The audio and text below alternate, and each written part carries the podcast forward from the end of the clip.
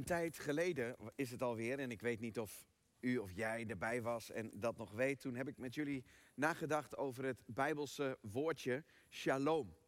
Dat shalom eh, niet de afwezigheid van oorlog betekent, maar dat shalom inhoudt de aanwezigheid van iemand. Van God in de hemel, van Jezus die hier op aarde komt. Shalom in je leven. Dat wat kapot gemaakt is, de afstand tussen God en mensen, daardoor is de afwezigheid van shalom, is Jezus komen maken. Hij heeft vrede gemaakt door het bloed van het kruis. Hebben we toen bij stilgestaan. Een paar weken geleden, nog in de zomervakantie, ik denk twee of drie weken geleden was ik hier. En toen hebben we nagedacht over dat Jezus zegt op het uh, uh, Loofhuttenfeest: Ik ben het licht van de wereld. En waarom op dat feest? Nou, die kan je nog nakijken als je die misschien gemist hebt. Maar Jezus zegt daar dat hij iets is. En vandaag wil ik met jullie nadenken, niet over shalom, maar de volgende S, dat is Shiloh.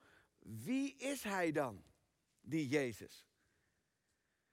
En dan de volgende keer, eigenlijk de startzondag hier van het uh, nieuwe seizoen, al start er al van alles, hoorde ik. Uh, dan wil ik met jullie nadenken over het Shema. Het, uh, maar dat komt dan, want anders ga ik er nu over uitweiden. Dus Shiloh. Shiloh betekent niet meer en niet minder als, als gezalfde Christus. Shiloh. En um, op het moment als we daarover nadenken, dan bij wie is Jezus? Dan, dan is dat eigenlijk een vraag waar zomaar iemand gewoon als collega van jou of als buurman naar jou toe kan komen. Oké, vertel mij eens, wie is Jezus? Afgelopen zondag, ik had echt een hele drukke dag gehad. En toen um, was ik met de laatste dienst bezig. Nou, vandaag ook. Dan zijn er vier op een rij en dan ben je aan het einde ben je helemaal moe. En dan, dan, dan, ben je, dan zit je daar en dan wil je eigenlijk naar huis. En toen kwam daar Hoop binnenlopen, een van de jongeren uit de gemeente. Eh, hoopvol natuurlijk, maar hij kwam naar me toe lopen samen met Ahmed. En, uh, en hij zei, ja, dit is mijn uh, moslimvriend waar ik samen met jou uh, wel eens over gesproken heb. Omdat hij zulke moeilijke vragen heeft over God en over Jezus. Dus ik denk, ik neem hem maar mee en mag hij het zelf even vragen. En ik dacht, ja, ik wilde thuis gaan eten. Maar super tof dat je er bent, dus ga zitten jongens. En toen, toen zei hij, ja, um, Jezus, wie is dat? Is dat de zoon van God en hoe zit dat in elkaar? En nou, alle vragen kwamen. Oké, okay, het zou jou gevraagd worden, Jezus. Wie is hij en wie is hij voor jou? Want dat hoort bij elkaar. Als hij iets is, dan ja, heeft dat verband, eh, betrekking ook op jouw leven, op jouw zijn. En Hoop en Ahmed, die waren daar. En ik, ik, ik moest deze fanatieke moslim uitleggen hoe Jezus de zoon van God kon zijn, et cetera. Hele ingewikkelde vragen kwam die mee. En ik zei als eerste, wie is Jezus voor jou? En Ahmed had het helemaal helder. Hij is een van de meest geliefde profeten voor mij. Ik hou, en wij, moslims, wij houden heel veel van Isa. Zo, zo heet Jezus. Maar hij is niet de zoon van God. Oké, mooi. Maar wie zeg jij dat Jezus is? Zou jij het net zoals hem kunnen zeggen? Wij, ik hou heel veel van Isa. Want dat zei hij. Toen zei ik, oké, en wat is Isa dan? Hij zegt, nou, is een profeet. Hij is een van die profeten. Hij is ook niet aan een kruis gegaan, dat geloof ik ook niet. Hij is niet aan een kruis dood gegaan, want de profeten zijn niet. Maar hij is een profeet. Hij is, joh, hij is een van de grotere. Ik zeg, ja, ik denk zelfs als je de Koran echt serieus neemt, dat hij de grootste is. Maar dan moet je nog maar eens gaan lezen. En, en toen, toen kreeg het, uh, het gesprek een hele mooie omkeer. Omdat we het hadden over wie is Jezus voor jou en wie is Jezus voor mij. En toen zei ik, zullen we samen eens gaan kijken wie Jezus, wat mensen in de tijd van Jezus zeggen wie die is?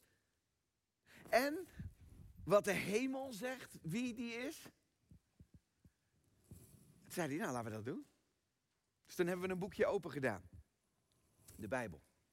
Gods boek. En dat wil ik samen met u ook doen.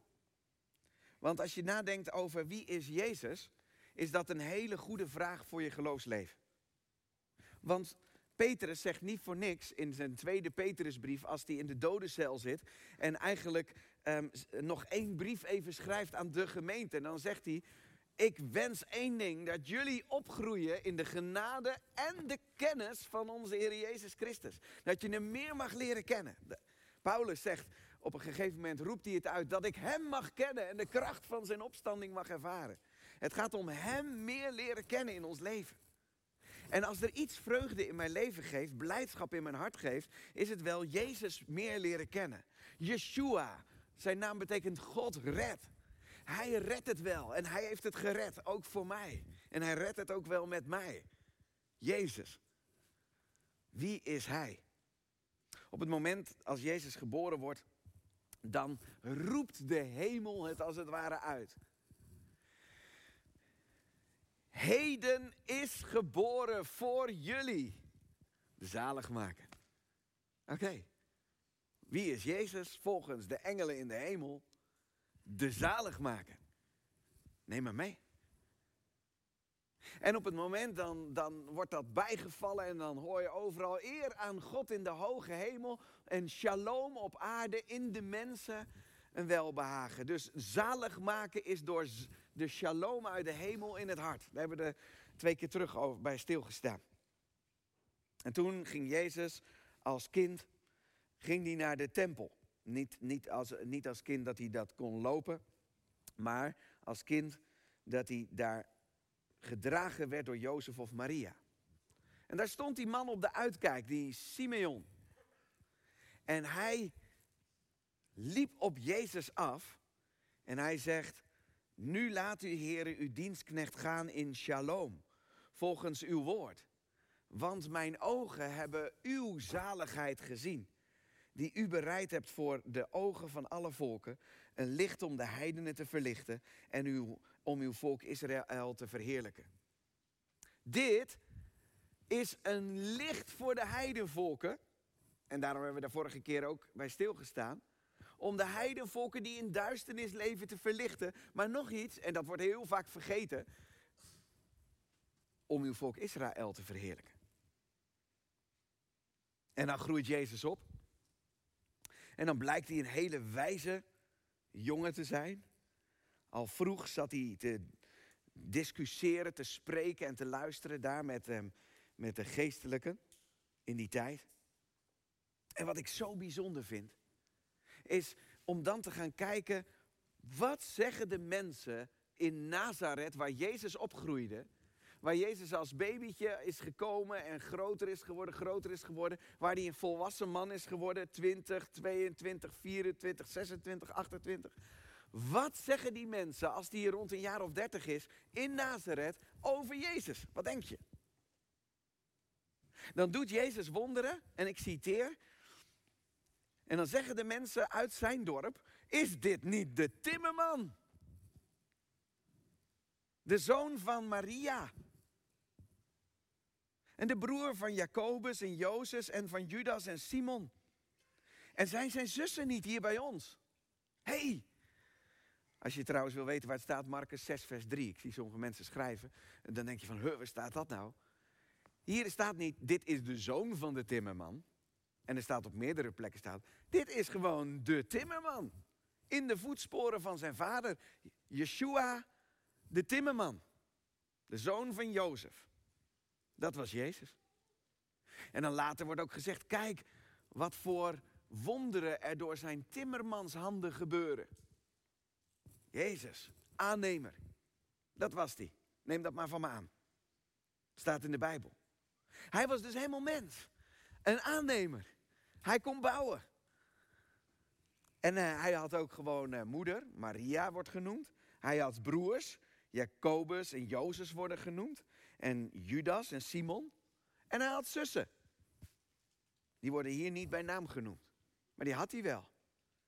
Jezus was een man uit een wat, in ieder geval voor onze begrippen, wat grotere familie. Dat was de eerste. Daarna zijn er nog jongeren dus gekomen. En deze wordt man Gods genoemd. Poging tot doodslag volgde, kun je lezen. En dan roept Jezus zijn volgelingen in Galilea. Daar heeft altijd zo'n woordje. Hè? Je hebt Judea, dat is bij Jeruzalem. Dat was hoog verheven. En je hebt Galilea, dat is... Mwah, Galilea, je voelt het al. Dat is minder. Dat was het ook. En daar in Galilea, daar haalde Jezus zijn volgelingen vandaan. En een van die mensen die hij vond, dat staat er ook letterlijk, hij vond Filippus. Uit Bethsaida, uit de, uh, uh, het, het, huis van de visserman betekent dat, Bethsaida. Huis van de visserman. Daar aan het meer van Galilea, in het noorden.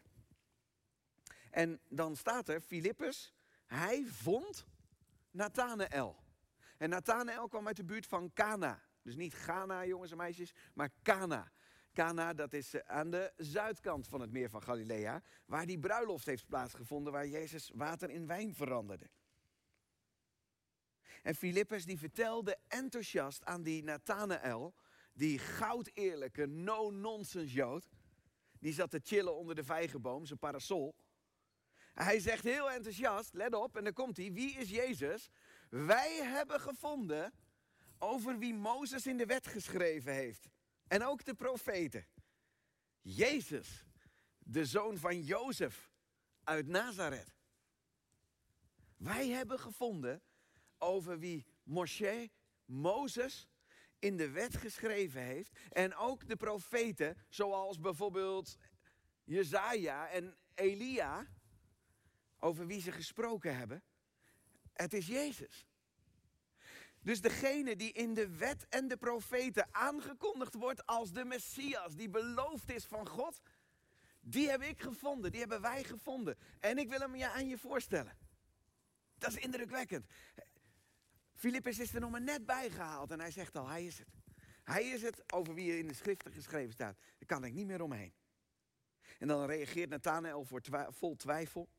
En bij Nazareth, eh, daar heb ik mijn bedenkingen, weet je wel. Daar gaat hij twijfel over. Kan het Messiaanse hel uit Nazareth komen? En dan uh, gaat hij niet de discussie aan. Even voor de studenten hier onder ons. Ik zie er een aantal zitten, fantastisch. Um, met een discussie win ik geen, geen ziel. Ahmed, zijn hart win ik niet in voor Jezus door altijd maar je keihard de discussie aan te gaan. Daar win je niet mee. Daar verlies je soms een hart mee. Win je misschien wel een discussie mee van, ah, ik had de beste argumenten en ik heb gewonnen. Ja, en je hebt de ziel verloren. Dus je, je hebt ook niks aan een discussie winnen. Maar die, je kom je met geweldige, uh, dan, dan, dan, dan, kunnen we geweldig veel leren van deze, van deze Filippus. Weet je wat hij zegt? Hij zegt dit, oké, jij wil de discussie aan, Eén ding, kom en zie. Kom maar mee. Ik wil hem je voorstellen. En dan komen ze aan, Filippus met Nathanael bij Jezus. En dan zegt Jezus tegen hem, kijk, dat is nou een man in wie geen bedrog is. Hij wordt vaak afgeschilderd als een beetje die kritische geest en weet ik het allemaal. Helemaal niet hoor, voor Jezus. Hij zegt, dit is nou een oprechte man. En, en Nathanael weet dat hij dat is. Helemaal niet arrogant, maar hij zegt gewoon, dat klopt. Maar hoe weet u dat? Hoe weet u dat, dat, dat ik dat ben? Jezus laat zien dat hij ons doorgrondt en ons kent tot op het bot.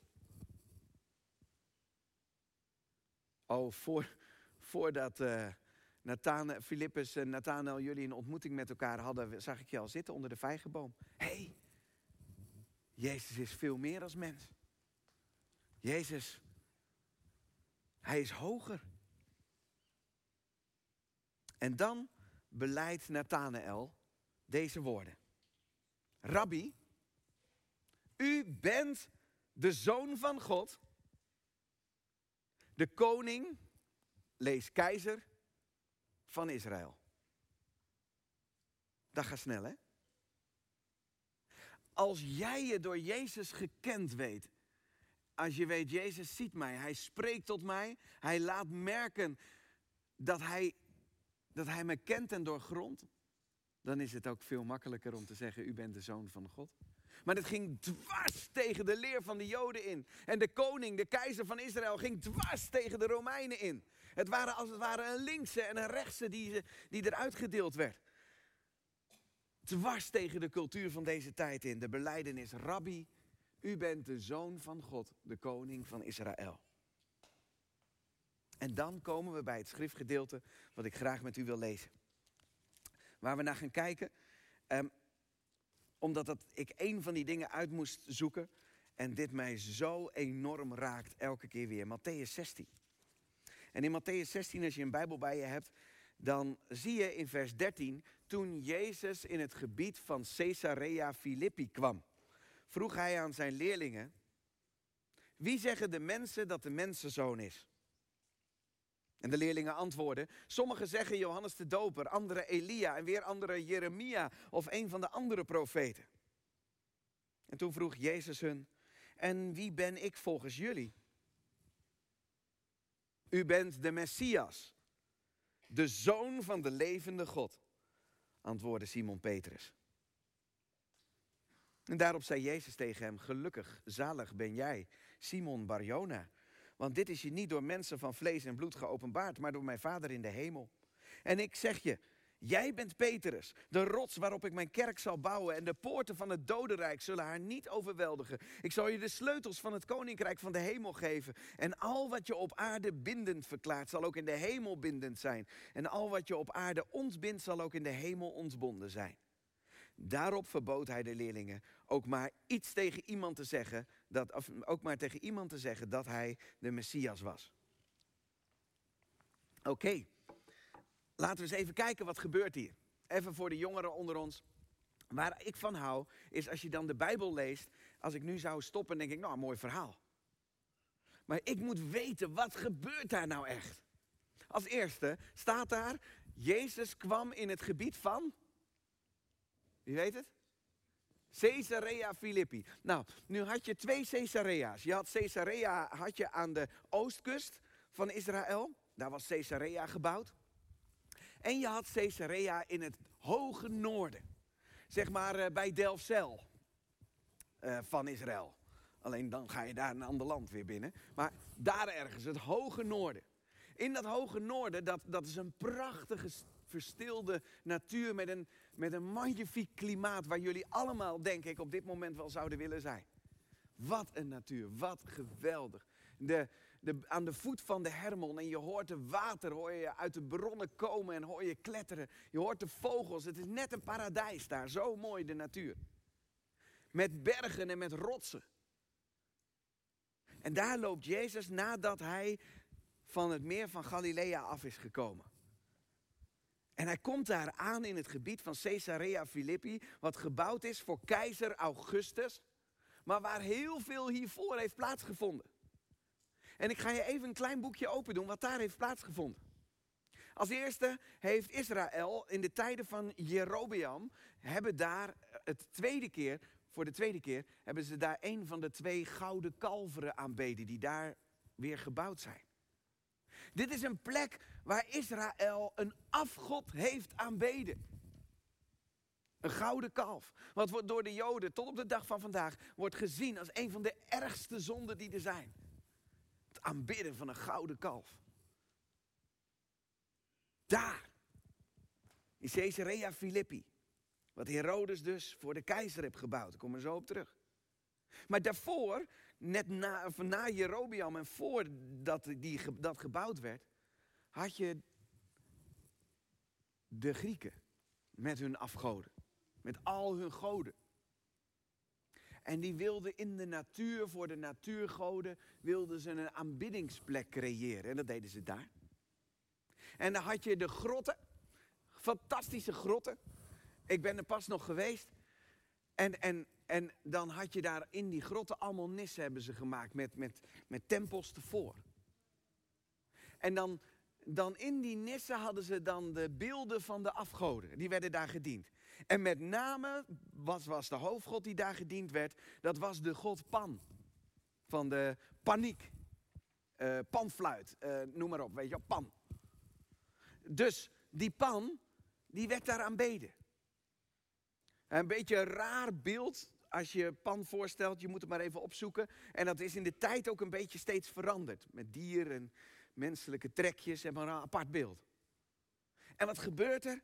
Daar worden niet zomaar offers ook gebracht van dingen uit de natuur, maar er worden zelfs kindoffers gebracht. En als die kinderen geworpen worden in de grot van Pan, als het water rood kleurde, was Pan boos, was God boos. En als het water niet rood kleurde, was God blij.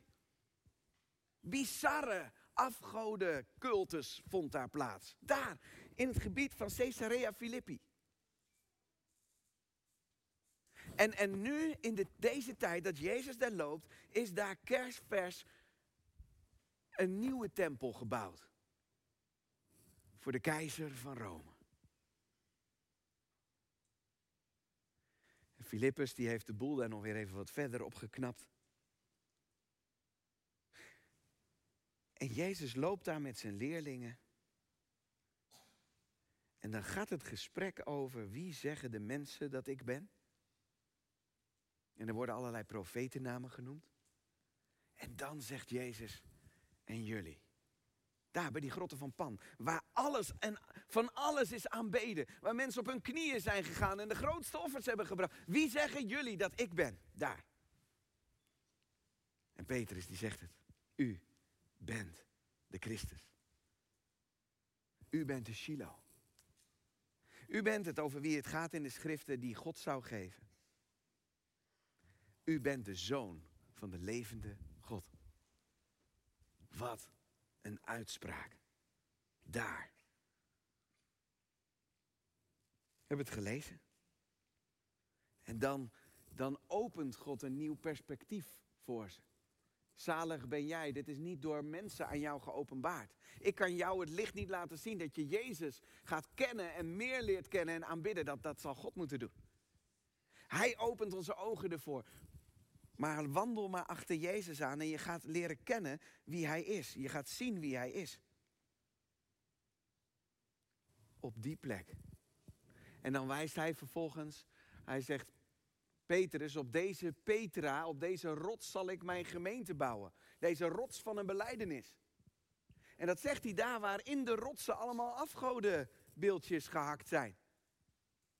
Kan je het voorstellen? Het is een en al rots daar. Daar zegt hij het. De, het zal, het zal niet, niet, het zal oninneembaar zijn. Heel indrukwekkend. En zo duizelend van indrukken moeten ze weggegaan zijn. En komen ze later, in eh, hoofdstuk 17 lees je het, komen ze op de berg. En Jezus laat de meeste leerlingen achter zich en dan neemt hij er nog drie mee. En als hij die drie leerlingen meegenomen heeft, dan lezen we in Matthäus 17 dat daar de wolk kwam. Gods aanwezigheid, weet je nog? Misschien wel in Exodus, toen God Israël vanuit Egypte naar het beloofde land bracht, ging hij mee door een wolk. Nou, er kwam een wolk, de aanwezigheid van God. En daar waren Mozes en Elia. Heb je ze weer? De wet en de profeten, de twee mannen die daarvoor staan. Wie zeggen jullie dat ik ben? Elia, zoals sommige mensen Elia. Wie zeggen jullie? U bent de Christus, de zoon van de levende God. Ja, het zijn twee anderen. En die ontmoeting vindt plaats op de berg. En voor uh, jongens en meisjes, ik, waar, waar ik dan benieuwd naar ben, ehm, als dat dan gebeurt. Um, bij Mozes verscheen God, dat was in de rook en in de donder. En bij Elia verscheen God en dat was in de stilte. Heel, mooi, heel mooi verschillend. Um, en ook hier vindt er een metamorfose plaats, want Jezus' gezicht begint te stralen als de zon. En zijn kleren worden wit als het licht. En dan luisteren we. En dan, dan zie je eigenlijk Jezus stralen als de Christus, de Zoon van God. Hemels. En dan denk ik wel van, oké, en dan begonnen Elia en Mozes, die zaten daar dan op die berg met Jezus. Waar zouden ze over gepraat hebben? Heb je een idee? Ik zou dat willen weten. Waar gaan Mozes en Elia met Jezus over hebben?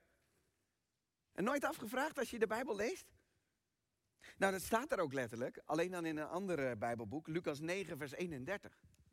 Lucas 9, vers 31 staat: Zij verschenen in heerlijkheid en spraken over zijn heengaan dat hij volbrengen zou in Jeruzalem. Mozes en Elia, ze kwamen om Jezus te met Jezus te praten over zijn kruisdood in Jeruzalem en hoe hij daarin zou overwinnen, daar dwars door het lijden heen. Daar hadden ze het over. Hoe bijzonder is dat? En Jezus die heeft dit volgehouden, die kruisdood, door te zien wat er achter dat grote lijden was. Wat daarna kwam. Namelijk dat hij heel veel kinderen tot heerlijkheid zou brengen door dat lijden heen. En misschien hebben ze het daarover gehad. Jezus, Yeshua, dit mag jij doen. Waar, waar God het al een blauwdruk al heeft gegeven. Waar hij het in een tablet heeft geschreven. Op een tablet hè, staat er. Tablet. Dus dat is niet deze waar er gewoon stenen, witte, witte. Maar, maar tablet. Twee tablets heeft God het gegeven. En vervolgens was het ook nog um, uh, Elia. Door de profetie. Gods aanwezigheid. En nou, dan vroegen ze om een tempel, of een tent te bouwen voor alle drie één. En dan gebeurde dit. Mozes was weg, Elia was weg. En er kwam een stem uit de hemel. Het was bij Jezus dopen ook al gebeurd. Het was de tweede keer dat er een stem klonk. En, en een stem van God klonk uit de hemel en die zei, dit is mijn geliefde. De enige in wie ik mijn grote vreugde vind. Luister naar hem. God in de hemel, de almachtige, eeuwige God. Hij spreekt voor de tweede keer. En hij zegt, dit is hem. Oké. Heb je het helder? De engelen spreken ervan. Zijn er vol van. De mensen zijn er vol van, de volgelingen van Jezus. Ze kunnen er niet omheen.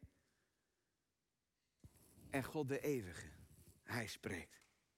Wat hebben we nog meer aan bewijs nodig? Dan neem ik je mee als afsluiting helemaal naar het einde. Openbaring. Jezus is aan Johannes verschenen op Patmos als hij de gemeente los moest laten. Hij was in ballingschap weggegaan. Hè? En Jezus, die, Jezus moest, um, um, Johannes moest dus alles loslaten. Zeven gemeenten in Klein-Azië. Ik weet niet of je weet wat dat inhoudt voor Johannes, maar het betekende heel veel voor hem. Hij was er zo bij verbonden. En nu zat hij daar verbannen. Toen moest hij het overgeven aan God. En dan verschijnt Jezus.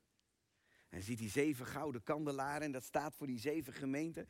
En dan staat niet Johannes midden in, in die zeven gouden kandelaren.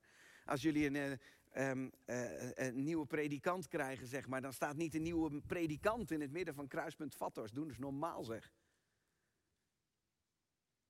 Of ik sta hier niet in het midden. Jezus, de mensenzoon. Hij stond in het midden van de zeven kandelaren, in het midden van de gemeente. Jezus staat, als het goed is, in het midden, centraal hier in kruispunt Vathorst. En op dat moment, dan valt Johannes als dood aan zijn voeten en dan legt Jezus zijn rechterhand op hem en zegt, wees niet bevreesd. En dan mag Johannes daarna mag hij een heleboel dingen zien. En dan kijkt hij in de hemel en dan ziet hij dat in de hemel er een boekrol is waar alle mensen, alle namen van de levenden ingeschreven staat in, dat, in die boekrol. Maar die boekrol zit een zegel en een zegel dat vertelt dat er maar, dat er maar iemand is die dat mag openen als je bevoegd ervoor bent. En de engelen in de hemel raakten in paniek. Paniek. Dat niet helemaal. Dat is dan een verkeerd woord op deze dag. Als ik net over pan gehad heb. De, de engelen in de hemel waren extreem verdrietig. En er was denk ik wat stress bij. In de hemel. En, en er werd uitgeroepen. Ja, maar niemand, wie, wie, wie kan dit openen? Wie in de hemel en op de aarde, wie zou dit boekrol kunnen openen? En dan gebeurt dit. Je kunt het lezen in Openbaring 5. Dus als je een Bijbel hebt, zoek het maar op. We moeten die Bijbel in ons leven openen, zodat we het met de, onze eigen ogen kunnen zien. En vers 5, 5 vers 5. En een van de engelen zei tegen Johannes, huil niet. Kijk, de leeuw, die uit de stam van Juda is, de wortel van David. Hij heeft overwonnen om de boekrol te openen en zijn zeven zegels te verbreken. En ik zag en zie, zegt Johannes, te midden van de troon van de vier dieren en te midden van de ouderlingen stond een lam, staande als geslacht, met zeven horens en zeven ogen. Dat zijn de zeven geesten van God die uitgezonden zijn over heel de aarde. En het kwam, het lam kwam en heeft de boekrol genomen uit de rechterhand van hem die op de troon zat. En toen het de boekrol genomen had, wierpen de vier dieren en de 24 ouderlingen zich voor het lam neer. En elk had een citer en schalen vol reukwerk. Dat zijn de gebeden van de heiligen. En zij zongen een nieuw lied en zeiden, u bent waard om de boekrol te nemen de zegels te verbreken, te openen. Want u bent geslacht en u hebt ons voor God gekocht met uw bloed uit elke stam, taal, volk en natie. En u hebt ons voor God gemaakt tot koningen en priesters. En wij zullen als koningen regeren over de aarde. En ik zag op dat moment en ik hoorde een geluid van vele engelen rondom de troon. En van de dieren en van de ouderlingen. En hun aantallen bedroegen tienduizend, tienduizendtallen en duizend, duizendtallen. Het duizende, duizelde hem. En ze zeiden allemaal met luide stem in de hemel: Het lam dat geslacht is, is het waard om de kracht te ontvangen en de rijkdom en de wijsheid, de sterkte, de eer, de heerlijkheid en de dankzegging. En elk schepsel dat in de hemel en op de aarde en onder de aarde en op de zee is. En alles wat erin is, hoorde ik zeggen, aan hem die op de troon zit. En aan het lam zij de dankzegging, de eer, de heerlijkheid en de kracht in alle eeuwigheid. Broeders en zusters, lieve mensen in Vathorst. Hier draait het op uit dat alles in de hemel en op de aarde het uit zal roepen. U bent het lam van God. U bent het. En wij mogen er nu al mee beginnen. Door in ons leven dat te beleiden. Te zeggen, u bent de Christus, u bent de Shiloh.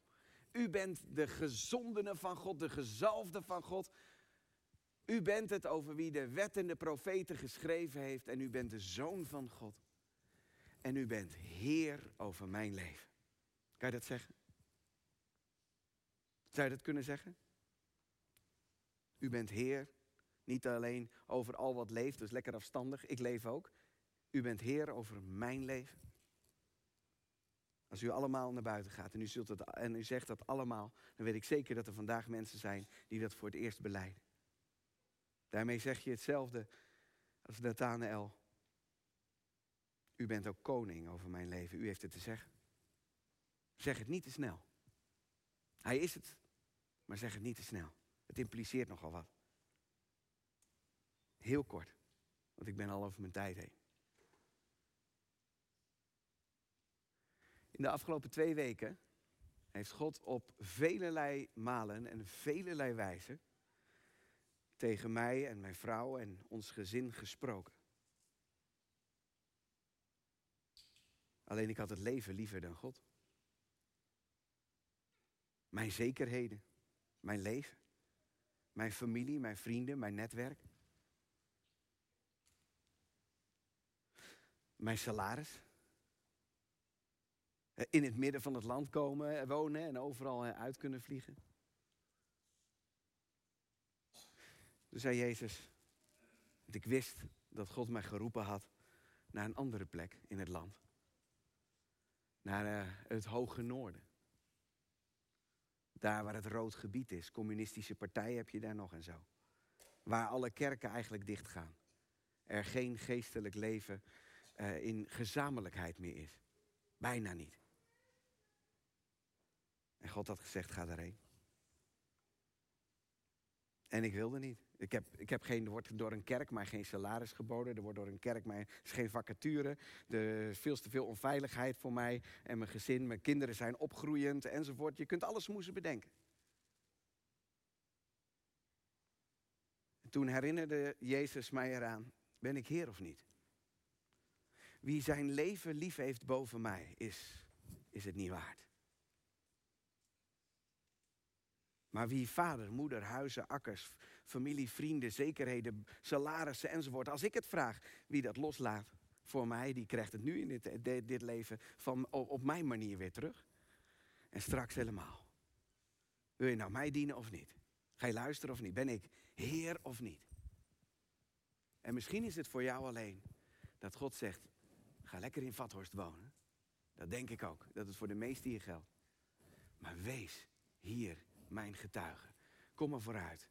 Als mensen vragen wie is Jezus, dat je zegt: Hij is de Shiloh, hij is de Christus. En dat, dat zou je niet zo zeggen, maar ga je uitleggen. De zoon van de levende God. Hij is Heer over mijn leven. Zalig ben jij. Als je dit woord niet alleen aanhoort en verwerkt, maar als je het zo verwerkt dat het tot leven komt in jouw hart. Amen. Ik wil samen met jullie bidden. Heer Jezus, u heeft het niet vrijblijvend gevraagd aan Petrus en Johannes wie u bent. En gelukkig zijn het voorbeelden van kwetsbaarheid waarin toen het erop aankwam ze ook alle kanten opvluchten omdat ze u in de steek, en ze u in de steek gelaten hebben. Maar wat is het indrukwekkend, heren? Dat we weten dat Johannes in ballingschap op Patmos door u opgezocht werd en u hem niet in de steek liet als zijn Heer. Wat is het indrukwekkend, heren, dat Petrus vanuit de gevangenis heeft geschreven dat ze niet kunstig bedachte fabeltjes gevolgd hebben, dat ze niet van de fabeltjeskrant zijn. Maar dat ze hun leven hiervoor geven omdat zij ooggetuigen geweest zijn van de majesteit van God, van u. Heren, vergeef ons dat we zo vaak misschien, misschien gewoon onze uh, routine doen. In het, in het doen van beleiden van ons christelijk geloof. Vandaag, heren, willen we beleiden op de vraag, wie is Jezus voor jou? U bent de Christus. U bent het lam van God, wat de zonde van de wereld wegneemt. Verheerlijk uw naam in deze gemeente. Heer, bewijs en laat zien keer op keer dat u en niet iemand anders in het midden van de gemeente in Vathorst staat. Verheerlijk daarin uw naam en daardoorheen in dit stadsdeel waar zoveel mensen leven, misschien wel in, in, in ogenschijnlijk in het, in het licht en met succes, maar waar zoveel mensen leven in geestelijke duisternis. Heer, ik wil u bidden dat er vandaag mensen mogen zijn die het voor het eerst, misschien wel jonge mensen, wat zou dat fantastisch zijn, voor het eerst beleiden dat u Heer bent over hun leven, de Zoon van God. Verheerlijk zelf door uw geest, uw naam, hier doorheen, door uw eigen woord. In Jezus' naam. Amen.